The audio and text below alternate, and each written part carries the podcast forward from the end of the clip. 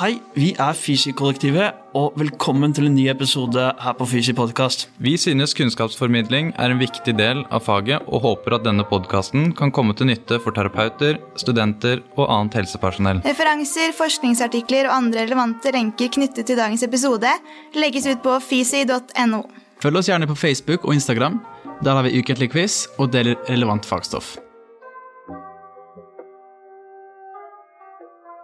Rehabilitering fungerer da, Ja. for denne gruppen. Og det er jo liksom kjempeviktig at de får det. Og vi starter den jo som idet vi begynner å lette situasjonen, egentlig. Så begynner vi å tenke rehabilitering av disse pasientene. Finne Og det tenker jeg er et kjempeviktig poeng eh, å få frem også når denne podcasten skal handle, eller denne episoden da, skal handle om intensivpasienter. Det er at vi har et kjemperehabiliteringsfokus også mens de er der.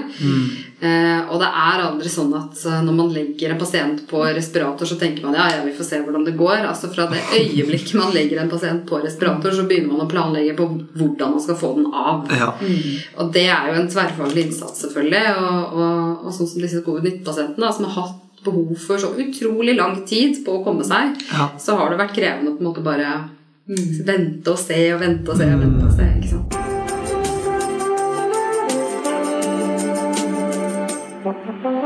Hei og velkommen til denne episoden på Fysi podkast. I dag så skal vi gi dere en helt spesiell episode. Det er en oppdatering på covid-19. Og med oss i studio i dag så har vi jo egentlig eh, core seksjon for fysioterapi og sosialmedisin eh, folk. Vi har eh, Åse Kristine Vaglin Velkommen på.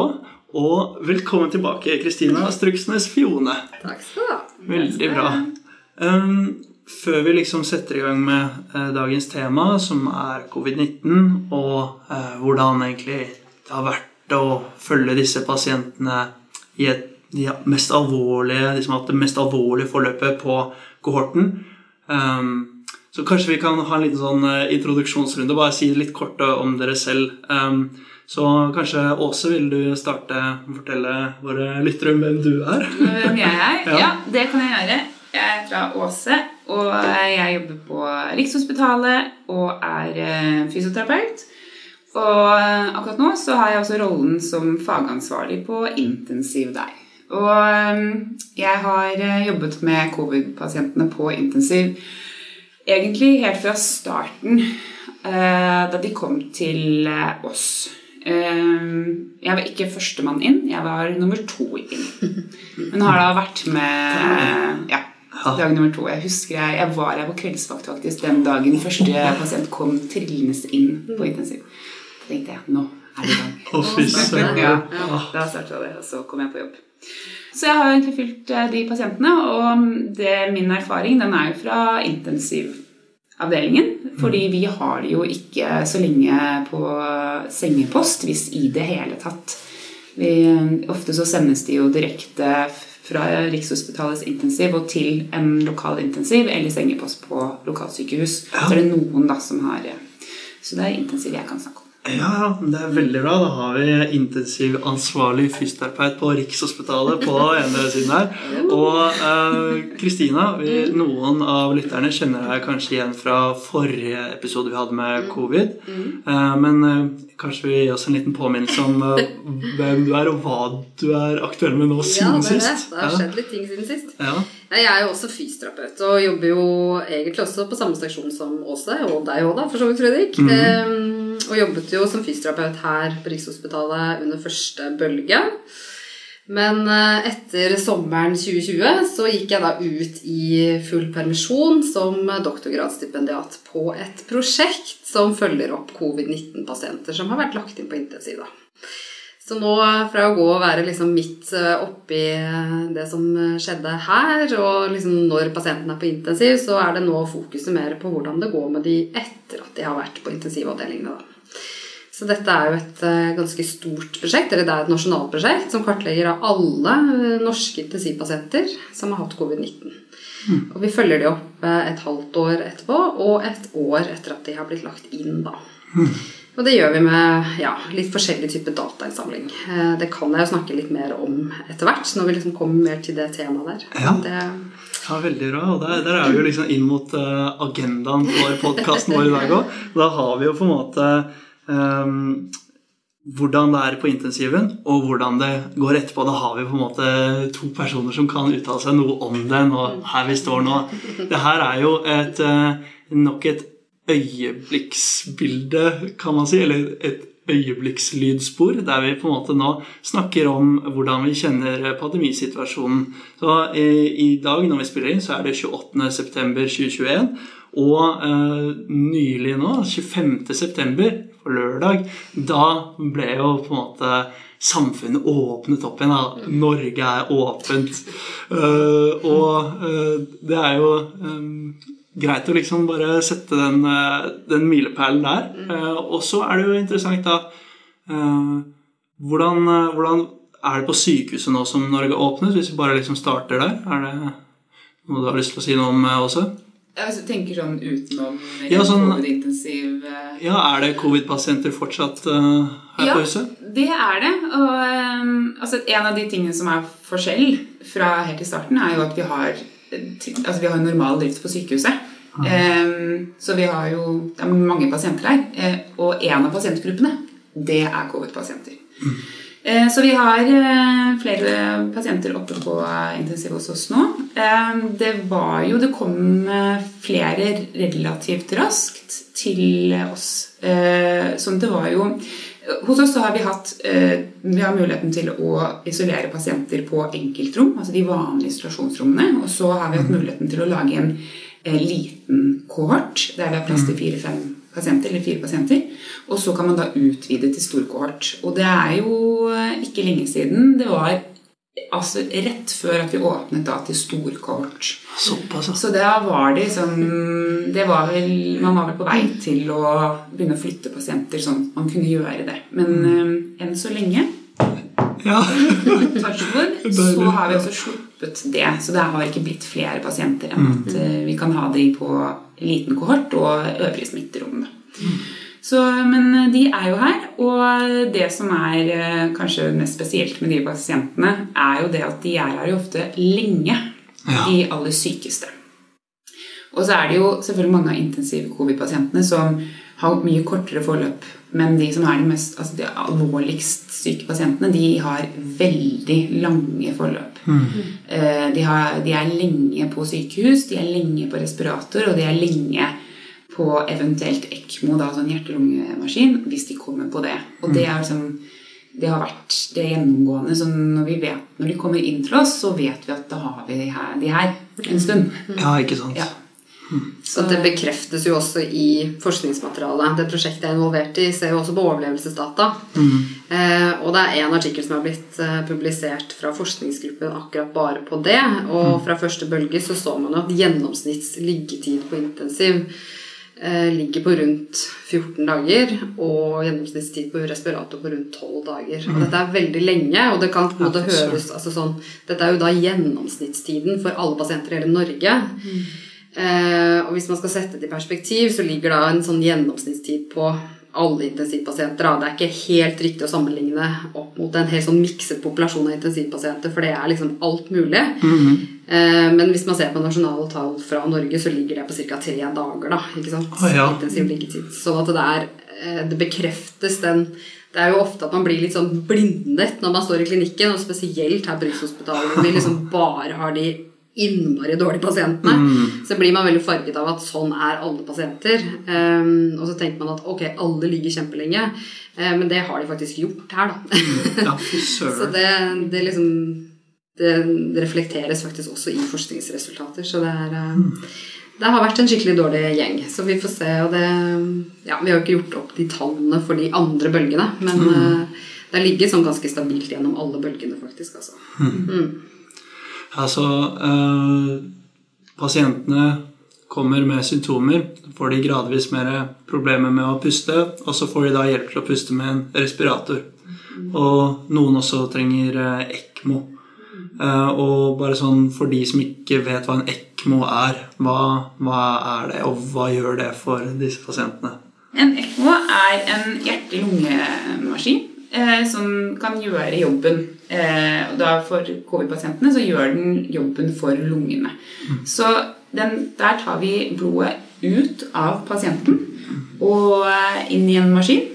Og så tar man da ut CO2 i denne maskinen, for det må jo ventilere pasienten. Og så tilfører man eh, oksygen og fører da det oksygenrike blodet tilbake til pasienten. Så du har to ledninger, eller kanyler, en som går ut med venøst blod, og så fører man blodet tilbake til kroppen med eh, O2. Og så kan man da stille på denne med hvor mye innsats man trenger. Ikke om Du trenger kjempe, kjempemasse O2 eller, eh, eller mindre. Og det ja, litt hvor mye lungene klarer å jobbe selv. Så det er en støtte til lungene. Det er eh, fordi, hva, er det som, hva er det som gjør at disse pasientene blir så dårlig. Jeg lurer på om vi også liksom snakket litt om dette her i forrige podkastepisoden, men vi gikk kanskje sånn ikke så i dybden på det på sett og vis. Men hva, hva, er det som, hva er det som er problematikken? eh, Hvorfor må du ha respirator? Hvorfor må du ha ECMO? Det sikkert mange har hørt om, er jo det som vi kaller for ARDS, eh, som er noe som skjer i lungene. Liksom en, en betennelsesprosess som kan oppstå i lungene. Eh, og den kan oppstå, oppstå av mange forskjellige årsaker. Skade eller sykdom, pankreatitt f.eks., eller da en eh, infeksjon, f.eks. en virusinfeksjon. Ja. Og dette her har vi jo tidligere hatt eh, flere pasienter som har hatt, og det er jo typisk at vi får inn disse pasientene i influensasesongen også. Det som, så det der er jo en lungesvikt. Sant? Lungene klarer ikke å gjøre den jobben de skal gjøre, som er å ventilere ut CO2 og få O2 inn og over i blodbanen. Og det er fordi det blir en, en betennelsesprosess i lungen. Eh, Jeg pleier ofte, Hvis jeg skal forklare det, så kan jeg sammenligne litt hvis man tar en hammer og så slår på tommelen sin. Ja. Så ja, da blir det vondt. Ja. Da skjer det en betennelsesprosess i den, i den tommelen. Ja, ja.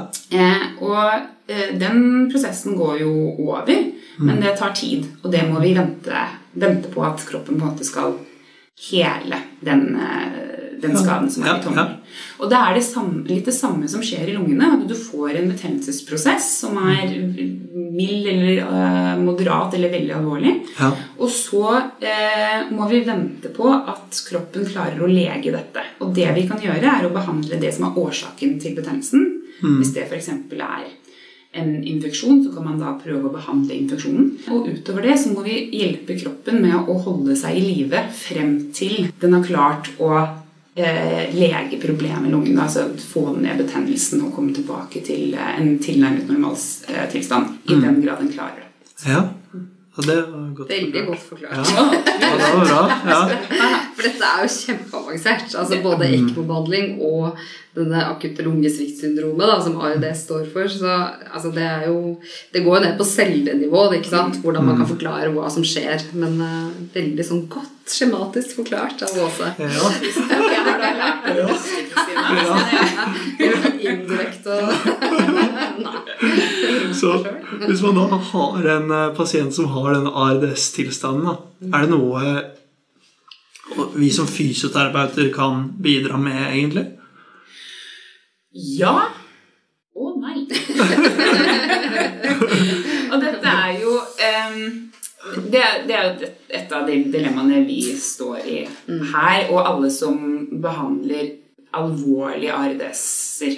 Em, fordi altså når du er i, særlig startfasen av ARDS-en, så er det altså da betennelse. Og hvis du går tilbake til den tommelen som du har slått på Ja. hvis du, eh, du kan ikke gjøre så mye med den. Det beste du gjør, er å egentlig å la den være i ro. Ja. La den hvile. Så hvis du driver og klemmer på den og fortsetter å slå på den, og bruke den, så er det sannsynlig at den, at den betennelsen bare blir, blir verre, og i hvert fall ikke bedre. Ikke sant. raskere. Så eh, man ventilerer jo disse pasientene på det vi kaller modus, der det er liksom minst mulig trykk og, og liksom minst mulig stress da, for noen. Ja. Så vi vil ha luft inn og CO2 ut, men med minst mulig stress. Ja. Eh, og da er det noen ganger at vi ikke kan gjøre de tingene vi som fysioterapeuter ofte tenker at vi skal gjøre for å hjelpe lungene. Disse pasientene kan ha slim, Det er ikke alle av de som har det, men en del av de har det, og særlig de som er her over lengre tid, kan jo få en del slim.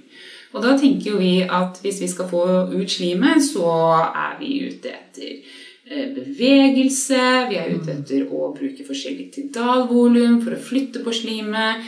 Eh, Vi skulle ha pasientene til å hoste, og for en del av disse pasientene så er det rett og slett for tøft. Det er for, det er for stor påkjenning på lungene. Så stort volum mye strekk på lungevevet, og det, det, litt- det blir liksom litt det samme som å sitte og klemme på den tommelen. Da. Ja, ikke Det blir veldig stort volum. ikke sant? Så ofte så har vi volumbegrensninger. Vi får ikke, det er hvor mye de får lov til å puste inn. Riktig, ja. Og siden en del av disse pasientene de, Vi sier ofte at de er veldig O2-hungrige, men de er vel egentlig CO2 eh, har lyst til å få CO2-en ut.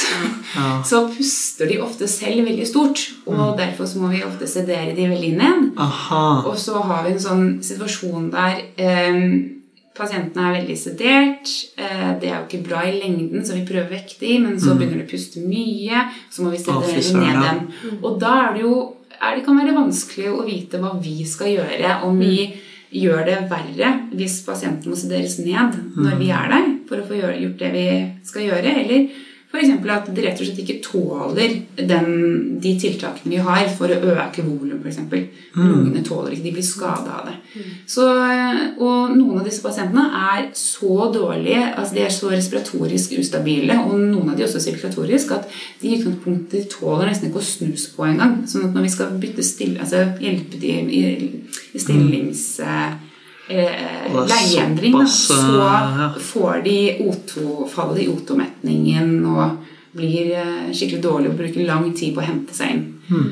Um, og det som da er et problem, er at mange av disse pasientene da er så fryktelig dårlige. De har vi kanskje allerede maksa det vi kan gjøre for dem. Vi har ikke noe mer å gå på. Sånn at hvis de ikke eh, Hvis de blir dårligere, så er det liksom ikke noe mer å gjøre. Nei, ikke sant. Ja, så det er, en- det er en sånn problemstilling. Der er det veldig fint at vi har veldig godt samarbeid med leger og sykepleiere og diskuterer da, hva skal vi gjøre ikke sant, når. Ja. Ja, ja, nei, hvis eh, det er på en måte Respirator og ECMO er jo the last resort, så du, har ikke, du kan ikke oppgradere derfra. Nei. ECMO Nei, det ikke litt sånn siste, siste Ja. sjansen du har da, på en måte. Ja. Og det er vel det som har vært litt altså, disse, Det vi kaller for veldig marginale pasienter. Da, ikke sant? De har liksom ikke noe å gå på, verken den ene eller den andre veien.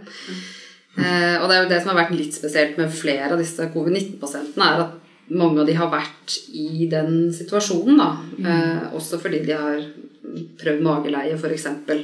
Da er det veldig lite vi som fysioterapeut kan gjøre når de ligger i mageleie, fordi da skal de ligge der over mange timer. Så det er eh, jo en sånn pasientkategori som er veldig sånn I starten ofte er vi ganske sånn hands off, eller i hvert fall gjør ikke veldig mye som har noe med lungene å gjøre, eller sånne ting. Og så etter hvert så blir det mer og mer behov for oss da til uh, Vi liksom ender opp med å være en av liksom de primær viktigste faggruppene kanskje for disse pasientene, fordi de har kjempestort rehabiliteringsbehov da, hvis de har ligget veldig lenge. da. ja, ja, absolutt. Eh, er det sånn at uh, et alvorlig covid-19-forløp der du da utvikler ARDS uh, Skiller det seg i stor grad fra noen som utvikler en eh, ARDS-tilstand på grunnlag av noe annet? Eh, Er det, er det slik at eh, Har de like mange døgn på respirator, og er det ja, Er de like eller ulike? Ja, jeg kan si bare det generelle før Åse liksom sier akkurat hvordan det er med covid-19-pasientene. og Det er, det er jo ikke alle covid-19-pasienter som har ARDS heller. Det er liksom viktig å, å presisere. Okay, eh, at ja. noen av de har lungesvikt, mens dette er et lungesviktsyndrom. Og når Ah. ting er et syndrom, så er det, alvor, altså, da er det mye mer alvorlig med en gang. Da, for Ja. er det flere prosesser som skjer. Så det er jo noen av disse som kun i anførselstegn har hatt lungesvikt. ikke sant? Ja. Eh, som ikke er så alvorlig. Og man deler jo også opp denne tilstanden ARDS i mild, moderat og alvorlig da, tilstand. ikke sant? Ikke sant? Um, og sånn overordnet så kan man vel si at ja, eh, ARDS er ARDS på en måte. Um, og at covid-19-pasientene har lignet på andre ARDS-pasienter. Eh, og generelt så er det en gruppe intensivpasienter som har veldig høy dødelighet. Eh, fordi det er en veldig alvorlig tilstand. ikke sant? Um, og så har det vært noen ting som har kanskje vært litt annerledes med covid-19-pasientene på ARDS-tingene enn en det vi kanskje har sett før, da. Men det vet jeg ikke hva du tenker om også. Ja, nei, Det har vel også vært litt sånn diskusjon om det. Sånn spørsmål Altså vi, Det har vært litt diskusjon eh, Så vi er vel kanskje ikke helt enige, om man finner eh, ja, fremtiden vil vise, tallene vil, vil vise. Eh, men eh, det er jo noe som heter compliance, f.eks. Eh, og der har man Det er noen som har vært inne på at de kanskje har mer compliance, mindre compliance, om det er annerledes. Og det betyr jo egentlig bare hvor mye lungene tillater, eller er med på utvidelse, da. Ikke Så det er, men, men jeg synes det er litt vanskelig å si noe om det også fordi der er, vet jeg det er uenighet om, om dette er noe som skiller seg fra andre ARDS-pasienter eller ikke. Og så er det, også, det er viktig å si at RDS selv om det er et, et syndrom, og det er liksom noe vi kategoriserer det som, så er det jo det er, det er jo veldig vidt. Altså, Kriteriene for å ha RDS er jo på en måte relativt De er jo ikke diffuse, men det er jo, det er jo veldig mange eh, situasjoner som kan gi ARDS, og veldig mange mm. altså Det kan være veldig forskjellige sykdomsforløp. Absolutt. Det trenger ikke, være, trenger ikke komme fra lungene nødvendigvis. Sant? Du kan godt ha vært i en stor bilulykke for eksempel, og havnet på traumeavdeling eller traumeintensiv, og så Ja. kan du få en ARDS som følge av det. ikke sant? Ah, ikke sant? Sånn at det er mange årsaker til dette syndromet. Eh, Det er jo liksom også Ja. viktig å si. Og det, hva som er årsaken, har jo også mye å si for hvordan sykdomsforløpet blir.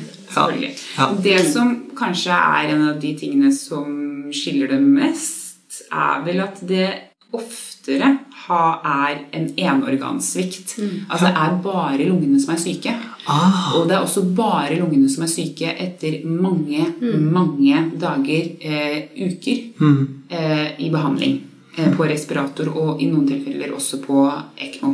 Og det er jo ganske uvanlig. At det, er, det holder seg til liksom, På gruppenivå så holder det seg veldig ofte til ett organ. Så det blir ikke nyresvikt og hjertesvikt. Og, Nei, ikke sant? som det ofte, ofte blir når du har ARDS. Så det er absolutt en ting der de skiller seg. Og det er jo også noe av grunnen til at man kanskje har kunnet behandle de så lenge. da. For at når flere organer begynner å bli syke og ikke klarer seg, så er jo sjansen for at du overlever veldig dårlig, og at vi klarer å behandle deg mye dårligere. Men når det har vært lungene, så har vi da kunnet på en måte holde pasienten i live og vente på at det skal, skal bli bedre. Da. At de skal ikke begynne å komme dit at de kan puste selv. Så, um, ja. så vi har jo hatt lange løp. altså Vi snakker om 56 dager på ECMO, Ja, ja. 40 dager på ECMO.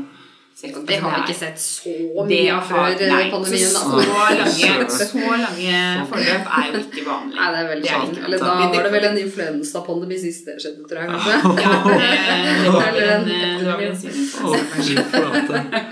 Ja, det, det er Det er jo eh, Det var interessant, da, fordi jeg har liksom fått det sånn veldig for meg at sånn eh, covid, alvorlig forløp, er lik eh, acute respiratory eh, distress syndrome.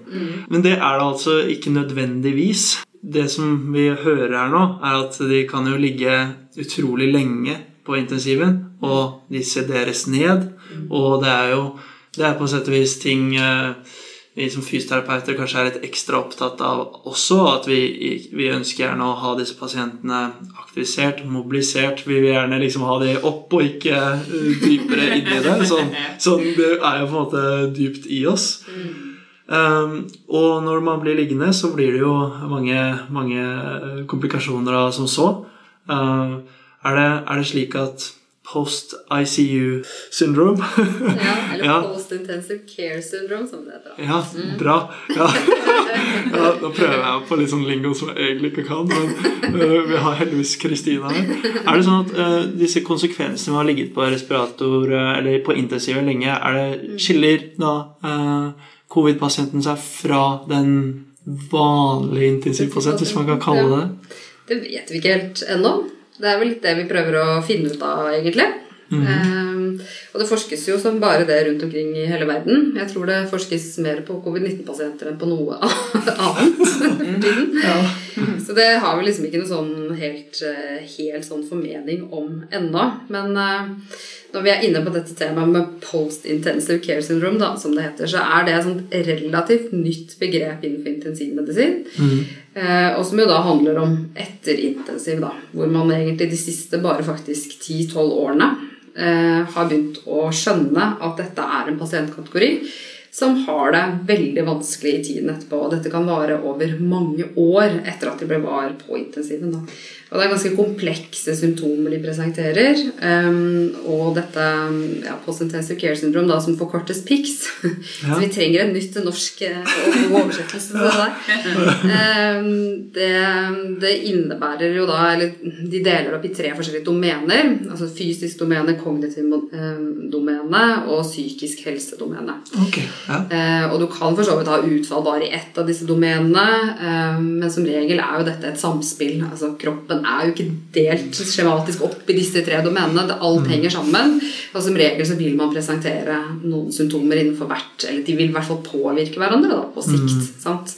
Har du et kraftig nedsatt funksjonsnivå over lengre tid som gjør at du ikke kommer tilbake på jobb eller skole, eller du klarer ikke å gjøre de tingene du ønsker, så vil jo det påvirke livskvalitet f.eks. etter hvert. da. ja, klart. Ja. Så, så dette er et eh, forskningsområde eller et tema som har fått veldig mye oppmerksomhet bare de siste få årene, og som selvfølgelig har skutt fart nå, da, etter at uh, denne pandemien har gitt oss så mange intensivpasienter. ja, virkelig. så så det, forsk det har blitt forsket en del på dette fra før, eh, og så forskes det nå da spesifikt på covid-19-pasientene. Så på sikt så vil vi jo forhåpentligvis kunne sammenligne disse to gruppene litt opp mot hverandre. Eh, og ja, som sagt, vi har jo ikke noe egentlig sikre tall på det ennå. Det er ikke sikkert de nødvendigvis har det verre eh, enn andre intensivpasienter, for dette er en gruppe som paradoksalt nok er de aller sykeste pasientene vi har i helsevesenet. Ja.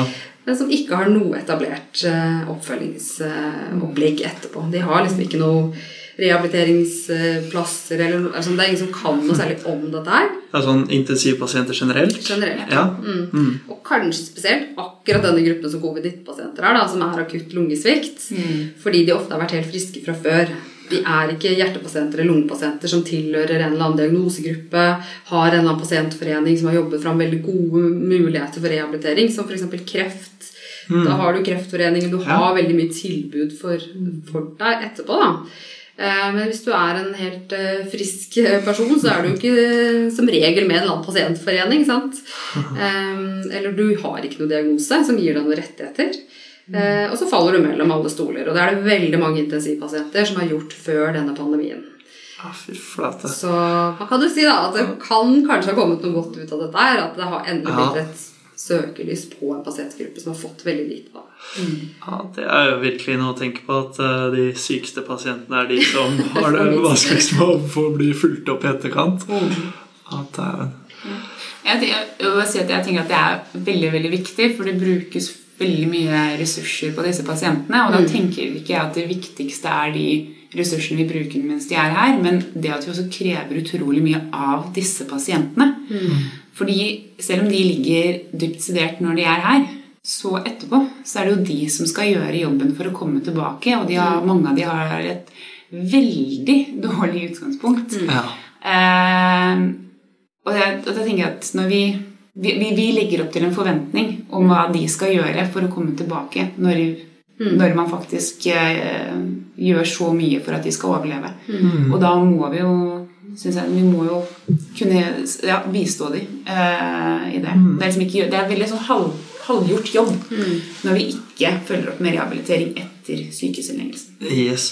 Så før vi da går eh, direkte videre til eh, liksom det som skjer etter sykehuset, så må jeg ta eh, en siste eh, avslutning i forhold til det som skjer på sykehuset her. Fordi ja, de ligger på intensiven, og det er mange som overlever også. Men sånn fra de er sederte da, til de eh, da er ute av sykehuset, hva er det som skjer da? Eh, kanskje du kanskje kan snakke litt om det? Ja, det kan vi snakke om. Så vi går til disse pasientene eh, mens de er eh, dypt sederte, kanskje relaksert, altså man bruker muskelrelaksering på de også. Eh, og følger de opp det vi kan.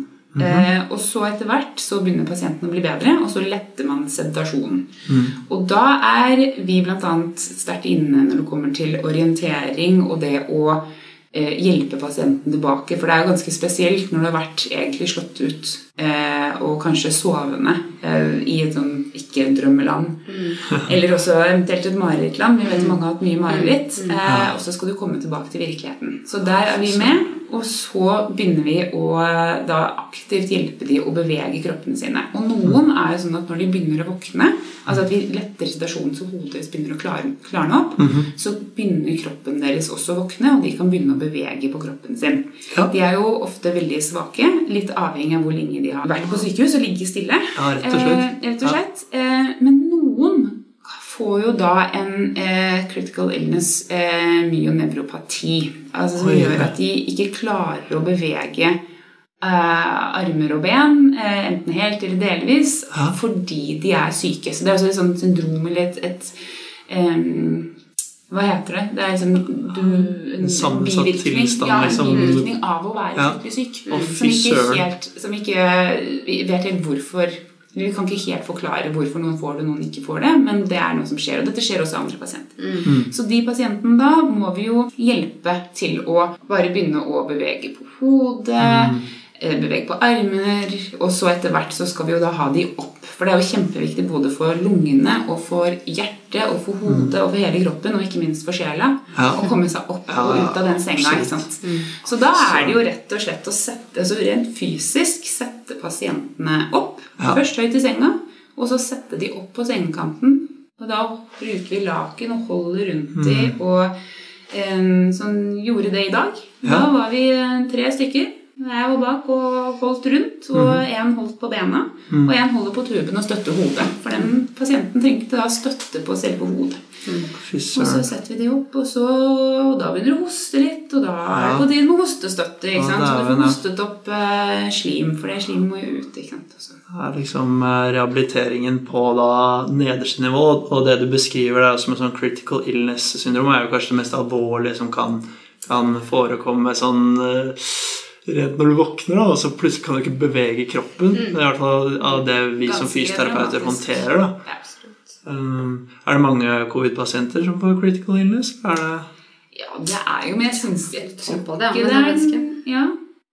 Jeg tror ikke det er noe mer av det enn en, av Vanlig. Nei, det er absolutt ikke. generelt mange Nei da, men det er jo på en måte Man vet jo at langvarig sedasjon, eh, langvarig sengeleie, er jo risikofaktor som øker akkurat det, da. Ja. Um, og så er det også noen sånne andre risikofaktorer som er litt sånn kjent for dette her. Blant annet kvinner er mer utsatt for dette, selv om vi ofte har med flest menn, føler jeg, da. Men Ja, ja, i litteraturen så er det det som er beskrevet, da. Men, eh, så det er jo noe man liksom, Dette er jo også noe som man har forsket på, og som er en del av dette her positive care syndrome. Da. Men som, som du sier, helt klart er en av de mest alvorlige tilstandene du kan oppleve. da, For det føles jo selvfølgelig veldig traumatisk og dramatisk å ikke kunne bevege seg overhodet. Og det er ikke noen nerver som er kuttet av, eller sånn noen ting. Og som regel så vekkes det jo til live igjen. Det kan bare ta utrolig lang tid. Og noen vil også oppleve å få permanente eh, funksjonsnedsettelser av dette. altså. Eh, men utrolig nok da, så har vi jo mange som har startet fra å ikke kunne gjøre annet enn å blunke med øynene, til at de går ut av sykehuset da, etter uker og måneder her, riktignok. Men, eh, men det er altså mulig, så vi skal liksom ikke skremme alle fra å bli sånn helt fullstendig Nei, absolutt ikke. Og dette er jo dette, dette, er opp, altså, dette kan man jo trene opp. Dette er noe man Rehabilitering fungerer da, Ja. for denne gruppen, og det er jo liksom kjempeviktig at de får det. Og vi starter den jo som idet vi begynner å lette situasjonen, egentlig, så begynner vi å tenke rehabilitering av disse pasientene. Finne Og Det tenker jeg er et kjempeviktig poeng eh, å få frem også når denne podcasten skal handle, eller denne episoden da, skal handle om intensivpasienter. Det er at vi har et kjemperehabiliteringsfokus også mens de er der. Eh, og det er aldri sånn at eh, når man legger en pasient på respirator, så tenker man ja, ja, vi får se hvordan det går. Altså Fra det øyeblikket man legger en pasient på respirator, så begynner man å planlegge på hvordan man skal få den av. Ja. Og det er jo en tverrfaglig innsats, selvfølgelig. Og, og, og sånn som disse covid-19-pasientene, som har hatt behov for så utrolig lang tid på å komme seg, Ja. så har det vært krevende å på en måte bare vente og se og vente og se og vente og se. ikke sant? Ja. Og så ja, og så prøve også på en måte man venter, man venter Ja. så, prøve, ja. så det har vært en sånn tålmodighetsprøve for alle. Mm. Det er denne Ja. Det, er- det er jo veldig interessant eh, å prate om eh, disse temaene rundt en, eh, en Vi har på en måte en label vi kan kalle da intensivpasientene våre Ja. nå i denne podkasten, og det er jo covid-19. Så er det jo sikkert sånn at det er innmari store individuelle forskjeller mellom mm. pasient til pasient her også. Den kjempestore forskjellen da, fra covid-19-pasientene til, til vanlige intensivpasienter er at de har vært intensivpasienter under en pandemi.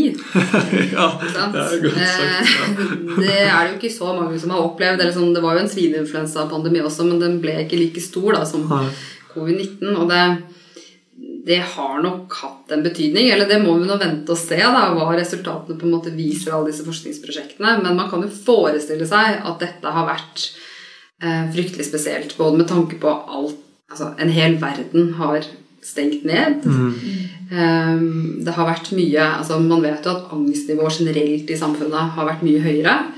Um, og man har vært pasient på høyisolat. Altså, vi har jo aldri hatt på sånt eh, beskyttelsesutstyr noen gang. Forhåpentligvis aldri igjen heller. Men det må ha vært utrolig spesielt å være pasient Å våkne opp og se folk i gassmasker, som jo de første maskene var. Eh, og liksom ikke forstå hva i huleste er det Hvor er jeg nå? Altså, og dette som du var inne på også med at man som intensivpasient så er det jo ikke unormalt at man har den tilstanden som kalles for delirium, altså hvor man ikke vet uh, Forvirringstilstand. liksom. Kjempe, altså Det er jo en hjernesvikt, egentlig. En akutt Ja. hjernesvikt. Ja. Uh, Som kan gjøre at man blir fullstendig desorientert. Man opplever uh, voldsomme mareritt, vonde drømmer, man hallusinerer. Eh, og det å liksom ikke forstå altså sånn, Jeg tenker jo Mange tror kanskje at de har hallusinert, men de har kanskje ikke gjort det. Det har bare rett og slett vært personal i gassmasker. Ja. For dette er sånn som jeg føler liksom, oh, shit, pasienter før pandemien kunne hallusinere om. Ja, at de var innestengt, eller at de var i krig, eller at liksom ja. Så det tenker jeg er jo selvfølgelig noe som er unikt for disse pasientene. Ja. Og selvfølgelig her, Dette er jo bare basert på min egen erf- erfaring, men jeg syns jo det virker som at de har vært enda reddere. De har vært, det har vært enda mer altså sterkt hyperaktivt delir. Det har vært eh, Utagering. altså, ja, utagering ja. og også opplevelse av at de har liksom Første gang de satt på sengekanten, så har de trodd at de falt i bakken. Oi, Det er veldig mye sånn Ja. og veldig mye ubehag, ubehagelige opplevelser. Mm. og også, som mange intensivpasienter vanskelig for å skille mellom hva som er drøm og virkelighet. Mm. Men uh, veldig mye frykt. Mm. Um, Og så har du ikke hatt muligheten til å kommunisere på samme måte heller, da, på grunn av dette beskyttelsesutstyret. Ja. For liksom Så- Veldig mye av behandlingen med delir er jo hele tiden å realitetsorientere, informere, Mm. berolige. Men når man må stå og rope og så er jo også pårørende et av det viktigste. Altså, det er jo kjempeviktig å få inn pårørende. Høre kjente stemmer. Så det at vi ikke har fått gjort det, så er det nok mange som har fått veldig forlenget lir Og Ja. det er jo en ting som er annerledes fra første bølge. Og det er at vi avisolerer jo pasientene mye tidligere. Med mindre det er en eh, immun... Altså, immunsvikt, eller eh, man går på immundempende, eller noen annen grunn til at det skal være annerledes, så avisoleres jo alle pasientene til 20 dager. Oh, ja, så de kan liksom ligge med respiratorer, og så kommer de ut av kohorten igjen? Nettopp. Så akkurat nå så tror jeg vi faktisk ikke har noen på kohorten, sist jeg sjekka. alle ute. Alle ute, og ja. så, da er det, så nå er det bare én som er smitteisolert. Ikke sant? Og så bare venter man på at den eh, Så da er de vanlige sånn var det jo ikke for første bølge, da. ikke sant? Nei. Dette er noe jeg har lært underveis. Så de lå jo uker og Ja, og da testet, testet vi virusmengde og testet ut virusmengde, og de ja. Så det var jo Og det tror jeg Det tror jeg ville være en forskjellig vi mm. mm. for de to gruppene. Mm. Jeg synes Kjempebra at du nevner det med pårørende, for det er jo anerkjent som en kjempeviktig faktor for intensivpasienter. Nettopp fordi de er sederte. Vi, vi som personale kjenner dem jo egentlig ikke. Vi vet ikke Nei. egentlig hvem de er. Um, og det er jo ganske sånn spesielt når man har hatt en pasient i to måneder, og så kommer de av respiratoren, og så Å, har du dialekt? Bare det? Liksom, så det er jo sånn, det å bruke pårørende, da, det er liksom en kjemperessurs på intensiv, og det bruker vi mye mer på intensiv enn f.eks. på sengeposter. da, ikke sant? Mm. Og covid-19-pasientene har jo ikke hatt tilgang til pårørende. De har ikke fått lov å komme inn. Og det har vært vanskelig for dem. Har dere snakket eh, med noen eh, som har hatt et alvorlig covid-forløp? Og liksom, har dere hatt noe sånn der eh, aha-opplevelse på hvordan de har forklart deres situasjon? Eh, Ja, altså nå, Da kom jeg jo inne på dette prosjektet eller kom inn på dette prosjektet som jeg er en del av. Fordi eh, vi driver jo da datainnsamling på to eh, måter. Den ene måten er at vi får registerdata fra Norsk intensiv- og pandemiregister. Og så er den andre delen at jeg kontakter pasienten på telefon Ja. for å intervjue dem. Eh, egentlig med da bruk av spørreskjemaer, men når man spør 'hvordan går det med deg', så er det mange som har naturlig nok veldig mye på hjertet. ja. Så jeg har vel hørt sånn til nå i hvert fall ca. 250 historier Såpass, ja. av intensivpasienter på som har vært i Norge. da. Ja. Ja. Så det er jo eh, mye forskjellige historier, selvfølgelig, Mm. men mye som også går igjen, da. Eh, og der er annet dette her med at man ikke De, hus de færreste husker noe fra intensivoppholdet sitt.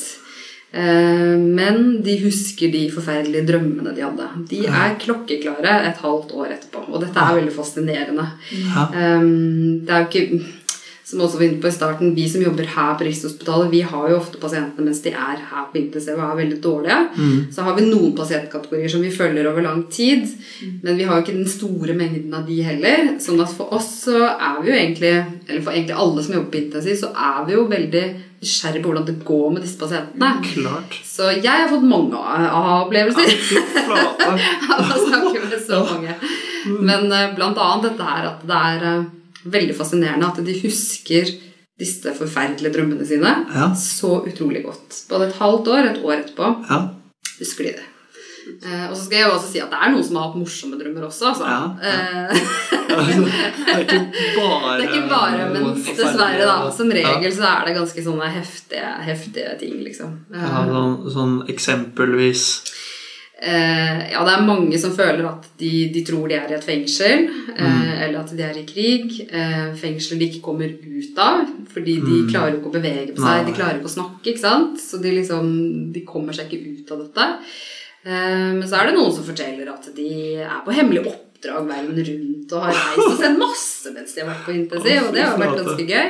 Eh, og så er det mange som, eh, som får en del sånn drømmer om familiemedlemmer eksempel, som kanskje også er alvorlig syke eller døde, eller eh, Så det er, mange, det er mange forskjellige historier. Ja. hmm. Ja, det er ja, det er veldig spesielt. At, eh, men Ja. det er vel en eh, salig miks av at man er syk og får medisiner, Ja. og det er vel eh, mange måneder som drar på det der. Ja, absolutt. Mm. Hvis vi nå tar oss og eh, ser oss litt eh, frem, da, at eh, hva, er det som, hva er det som er typisk for pasienter som har eh, hatt eh, korona? Er det slik at eh, de har et problem alle sammen, eller er det veldig sånn eh, heterogen gruppe, det var? Eller hva, hva, vil, du, vil du si noe om det, Kristina? Ja, jeg kan prøve. Fordi eh, nå er vi jo i gang med datainnsamling fortsatt, og vi er ikke ferdig før til neste sommer. Vi følger det jo opp et år, og vi Ja. sluttet å inkludere i sommer. Sånn at jeg har jo ikke noen resultater på alle de symptomene som vi egentlig kartlegger, eller alle de spørreskjemaene vi bruker, da. Ehm, men det vi har eh, sett på Eller det jeg sitter igjen med inntrykk da, av å ha snakket med så mange Nå har jeg jo snakket med som sagt ca. 250 stykker på seks måneder. Og litt over 100-120, tror jeg, på ett år, da. Ja. Um, sånn at det, det har jo vært veldig gøy egentlig og interessant å på en måte få snakket med de på to måltidspunkter og se ok, hvordan har dere det et halvt år, og hvordan har dere det ett år etterpå. Og inntrykket mitt av seks måneder, eller på seks måneder, det er at da er folk fortsatt ganske preget av oppholdet. Ganske mange er fortsatt sykemeldt, enten 100% eller i hvert fall delvis. Eh, og at mange liksom sier som det første temaet, det er pusten. Det er pusten, det er noe som ikke er som det pleier. Eh, og så er det nok ganske vanskelig for de å differensiere mellom hva som er dårlig kondisjon, og hva som er reell lungefunksjonsnedsettelse. da, ikke sant? Ja, det er også viktig å Ja, tenke jeg på. tror nok ikke at alle har en reell lungefunksjonsnedsettelse. Og det er jo sånn som også kan bli bedre etter hvert når man har hatt en lungebetennelse. ikke sant? Eh, er du kolser og liksom har på en litt sånn nedadgående stige, så er det ikke så mye å få gjort med den lungefunksjonen, kanskje. Men, eh, Men har du hatt en lungebetennelse, så kan jo den bedre seg over tid. da, ikke sant? Når disse forandringene trekker seg litt tilbake osv. Mm.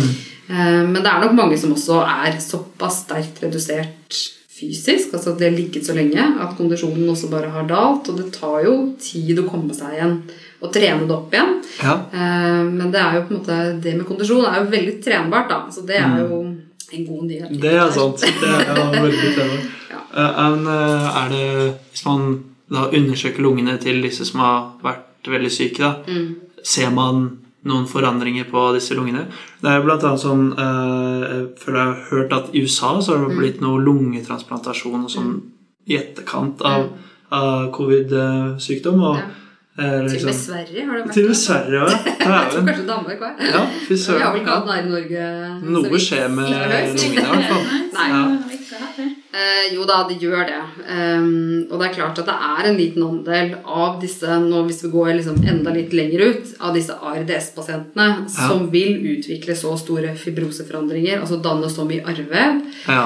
at de vil ha en varig nedsatt lungefunksjon. Og noen vil ha såpass voldsomme forandringer at de er på sikt nødt til å ha en lungetransplantasjon. Og vi har jo hatt lungetransplantert i Norge også, som har fått det på bakgrunn av en ARDS pga. influensa f.eks. Ja, riktig. Det er liksom, du har stått med hammeren eh, og slått på tommelen, eh, litt sånn som metaforen til eh, Så du får typ arrvev, eh, liksom. Altså Arrvev er arrvev, uansett om det er du har skåret deg i fingeren eller om du har fått arrvev inn i lungene. Og Ja. vi vet jo hvor hardt sånne arr kan være. ikke sant? Og det er det samme som skjer inni lungene. Der Ja. er det ikke noe gassutveksling. Eh, sånn at du får ikke brukt lungene til det du skal. ikke sant? Ah, fy søren. Så du Ja. blir veldig begrenset. Men sånn overraskende nok da, så er det veldig få ARDS-pasienter som havner i den situasjonen. Man ville kanskje trodd at alle ville ha det sånn, men det er helt sånn utrolig nok veldig få. Så det sier jo noe om at selvfølgelig har vi blitt bedre på behandling, eh, men det forteller også noe om lungenes helt fantastiske egenskaper eh, og evne til å rett og slett komme seg igjen. da. Så, så det er helt utrolig. Det, før vi kom hit, så viste, fikk jeg se et lungebilde her som bare Det var absolutt helt hvite lunger. Altså ikke noe luft i det hele tatt. Å, fy søren. Eh, og vi har jo sett noen av de også før pandemien, og sånn, helt utrolig nok så Ja. går det bra med de, og lungefunksjonen er kanskje ikke helt 100% men kanskje ikke engang under liksom, det vi forventer av normalverdier. Å, fy flate. Så hadde de liksom vært utøvere, så hadde de vel kanskje merka det. Ja da. Men uh, For oss vanlige folk. Ja. ja. vanlig funksjon så går det bra. Ja. Ja. Og der også er det jo fryktelig vanskelig å vite eh, under prosessen hvem, hvilke det, hvem som er hvem. Hvem som, og hvem som også får så store skader at de faktisk ikke overlever. Det er vans fryktelig vanskelig å se eh, ut ifra bilder og klinikk og prøver og alt det der. Så det ja. Ja. Så det er alltid så, så, Men derfor så går man jo også på en måte all in. Ja. Igjen, Og vi også vi tar, har utgangspunktet om at eh, dette skal gå, og så må vi jo bare ja. Men det er klart det er en jobb som gjenstår når du kommer ut fra sykehusene. Eh, det, er en, det er en ganske stor jobb Ja, som gjenstår. Sant? Og det er ikke forventet at en, eh, et menneske som har vært så sykt over så lang tid, skal kunne klare å rehabilitere seg selv. Fordi Nei, nei, nei. man står ofte igjen med ganske komplekse problemstillinger. Da. Ja, fy flate. Det er jo mye snakk om long covid. Um, hva er det? Godt spørsmål. Spør du meg, spør jeg deg.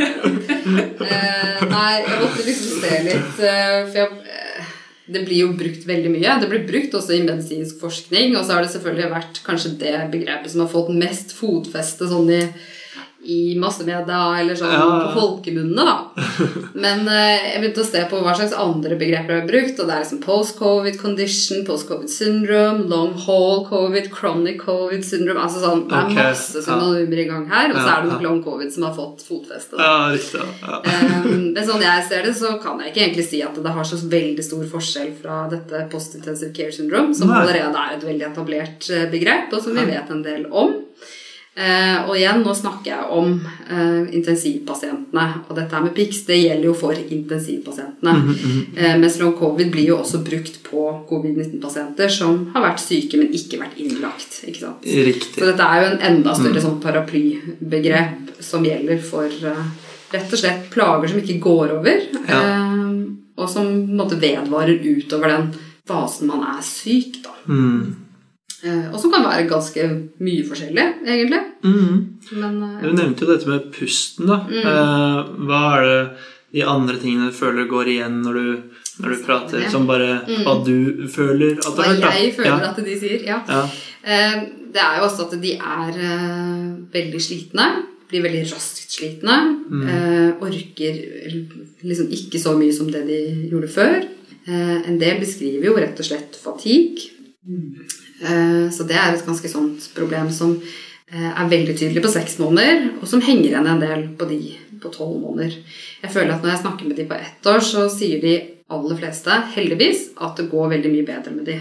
Da har de liksom begynt å jobbe kanskje fullt igjen. Da har de liksom jobbet med en sånn opptrappingsplan hele det siste halve året, sånn at de liksom kan komme seg opp på 100 Mm. Og da føler jeg ikke at uh, pusten er så veldig stort tema lenger. Da har de liksom kommet seg videre. Jeg tror da at da har liksom kanskje kondisjonen kommet seg litt. Ja. Uh, og man, ikke, man blir ikke så andpusten av å gå i trapper lenger, eller bakker, eller sånne ting da. Ja?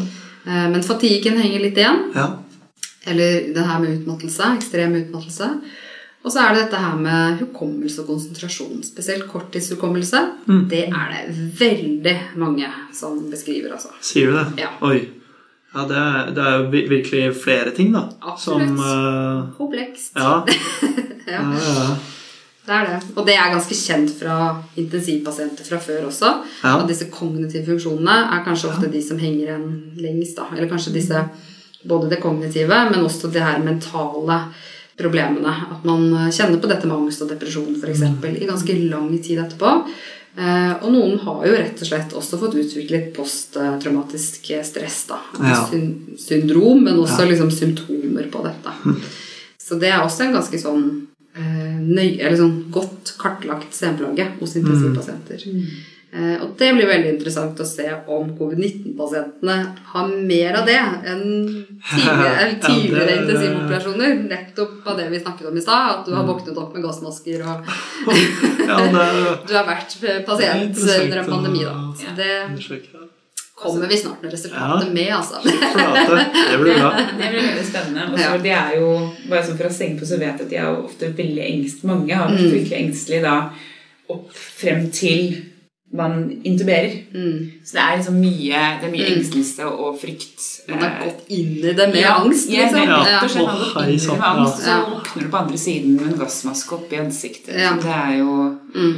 Ja. Mm. Jeg blir jo overrasket hvis de ikke har det Hvis ikke Ingen har det. Ingen problemer med det.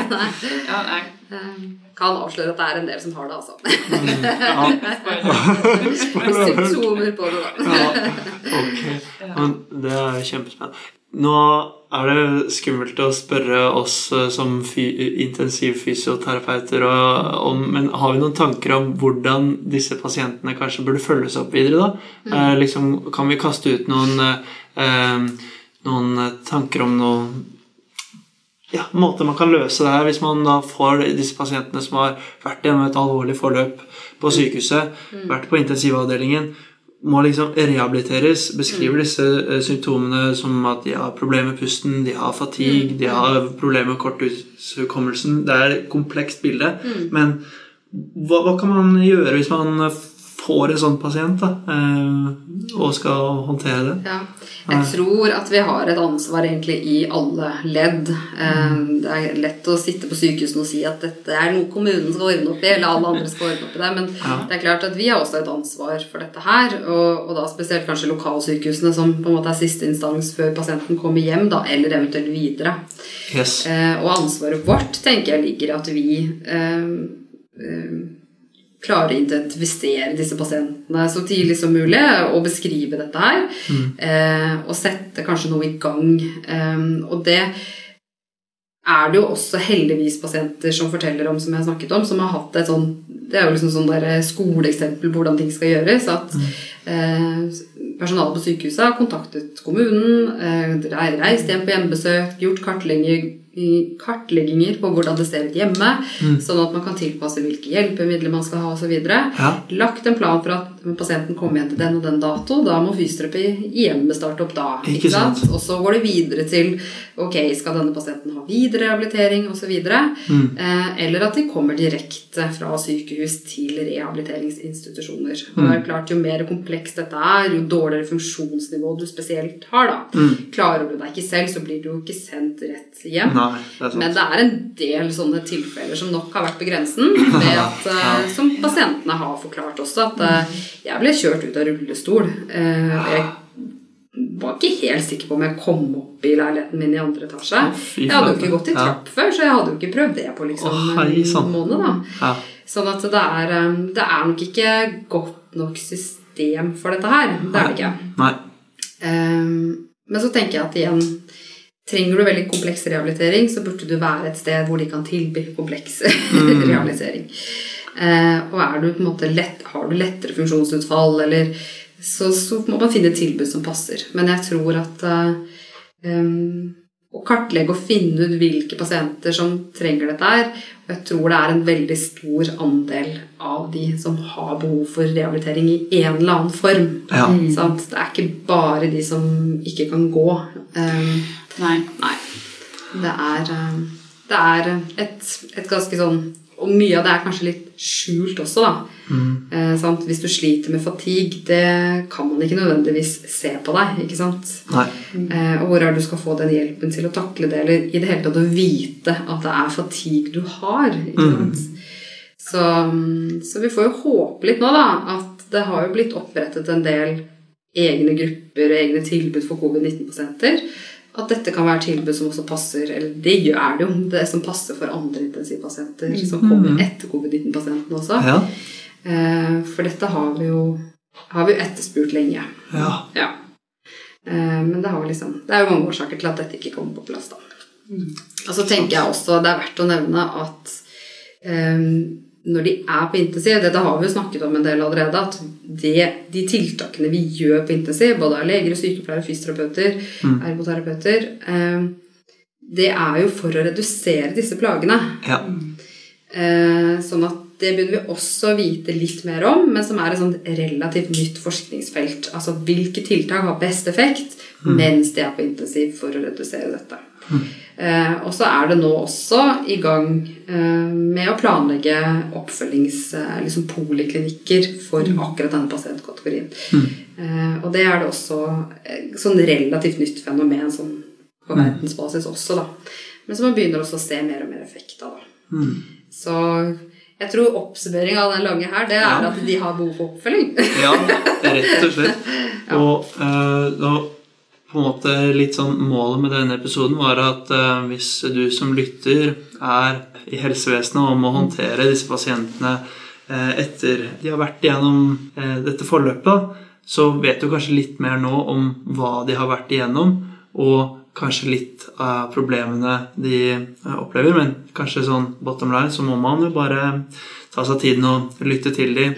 Prøve å finne ut eh, hvordan man skal løse det sammen mm. på et sett. Da. Det er jo ikke, det er jo en vanskelig sak med sånne postvirale syndromer. Eller det, er, det er jo mange utfordringer, og det har vært eh, mange runder med det tidligere også, hvor det er på en måte Fatigue er ting som er veldig individuelt og vanskelig. Så da må man eh, prøve å finne en god, eh, god eh, framgangsmåte på det. Da. Men det var utrolig spennende å snakke med dere. Og er det ikke sånn alle gode ting er tre? At sånn, Nå har vi én og to episoder, så da må vi se om det kommer en sånn oppdatering en eller annen gang i framtiden. da. Men vi får se da, vi får se på det om disse busy damene har tid. Det blir post-pandemi-oppdateringen, da. Ja. Ja, vi, er, vi er ikke ferdig med dette temaet dessverre på en del år, da. Men, Nei, ikke men jeg sant. håper vi er, Eller vi er jo allerede i en annen fase, Ja. så det vil vi også være om. Jeg håper at det Absolutt. fortsetter sånn. Så er det sånn at Vi lager et innlegg på fysi.no, der vi da eh, legger til litt sånn linker og litteratur. Eh, har dere noen eh, tanker sånn umiddelbart om hva vi skal legge til i den lista, eller så kan vi jo kanskje bare eh, lage den sammen eh, etterpå? Ja, hva skal vi si? Vi kan vel eh, prøve å sette oss sammen etterpå og se eh, ja, liksom, For det, akkurat på covid-19-temaet så er det jo helt sånn utrolig mye. Utrolig mye. Ja. Men vi har jo et norskt produkt da, som vi Ja. kan jo reklamere for. Ja, det syns jeg vi skal slå i Fra bordet Oslo med. universitetssykehus. Ja. Og det er jo denne kunnskapspakka, da. Ja. Den tar jo for seg eh, covid-pasienten både på sengepost og intermediær og intensiv Ikke sant. Ja. behandlingen som de har fått her, da. Mm. Og den har blitt oppdatert, så nå er det ligger det jo en tredje versjon mm -hmm. ute. ja. Volum tre, altså. Jeg tror Volum kanskje altså. sist eh, vi hadde, så var det volum én. Så det er, eh, nå, er det, nå er det oppdatert. Det er bra. Tusen takk for at dere ville være med på podkasten. Det var veldig hyggelig å prate med dere. Tusen takk for at dere fikk være med. Takk for at du hørte på Fisi podcast. Håper du likte denne episoden. Følg oss gjerne på Facebook og Instagram. Der har vi ukentlig quiz og deler relevant fagstoff. Vi selger T-skjorter og annet merch på fysio.no. Vi har mange planer og mål, og omsetningen av merch skal vi bruke til videre prosjekter og kunnskapsformidling. Husk å abonnere og rate podkasten, slik at vi når ut til flere.